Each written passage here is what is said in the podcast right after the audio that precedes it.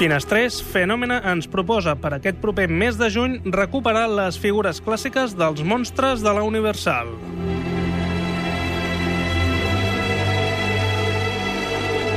Durant les properes quatre setmanes, concretament els dilluns i dimarts a primera hora de la tarda, els Dràcules, Frankensteins i les seves nòvies, homes invisibles o homes llops, aniran desfilant per la gran pantalla.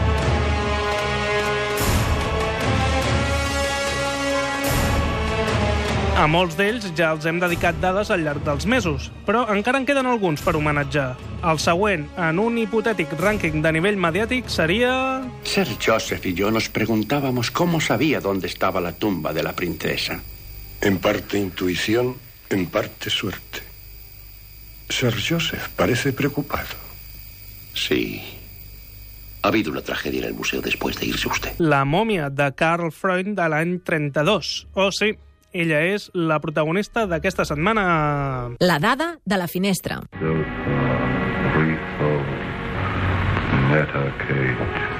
Va ser la primera pel·lícula com a director del director de fotografia austro-húngar Karl Freund, només dos anys després de la seva arribada als Estats Units.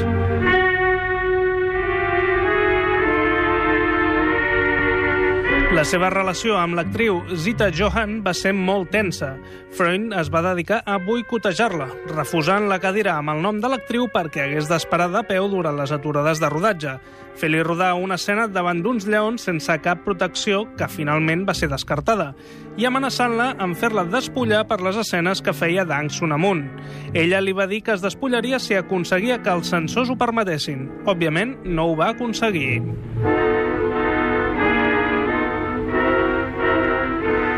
Boris Karloff interpretava a la mòmia Imhotep, un nom que ja se l'ha relacionat amb la maldat, com demostra el fet que els remakes que van fer no fa massa, el dolent també es deia Imhotep, quan la realitat és que Imhotep fou una figura importantíssima, metge, astrònom i considerat el primer arquitecte de la història, l'únic egipci, a banda dels faraons, que va ser considerat un déu després de la seva mort.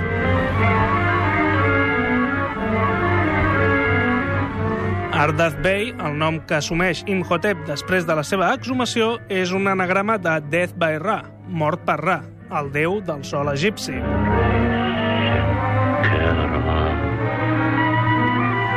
Trigaven unes 8 hores en maquillar Boris Karloff per poder rodar.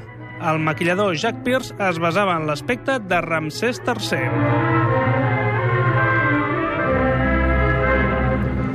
De fet, el maquillatge va ser tan impactant en aquell moment que se li va entregar un premi especial a Jack Pierce en una cerimònia presentada pel mateix Boris Karloff. Després de la mort de Pierce, es va donar per perdut el premi durant una dècada, fins que algú el va trobar abandonat a la secció de maquillatge dels Estudis Universal.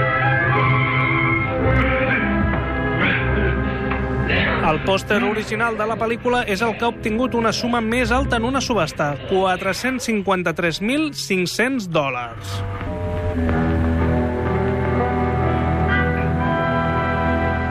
Karloff havia estrenat només un any abans el doctor Frankenstein.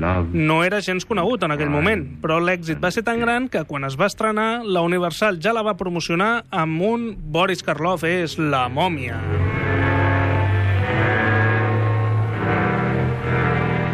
Per crear aquesta història es van inspirar en la suposada maledicció de la tomba de Tutankamon.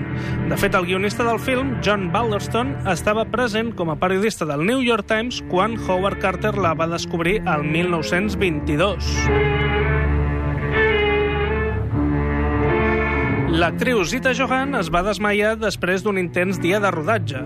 Quan finalment va obrir els ulls, el primer rostre que va veure va ser el del maquillat Boris Karloff.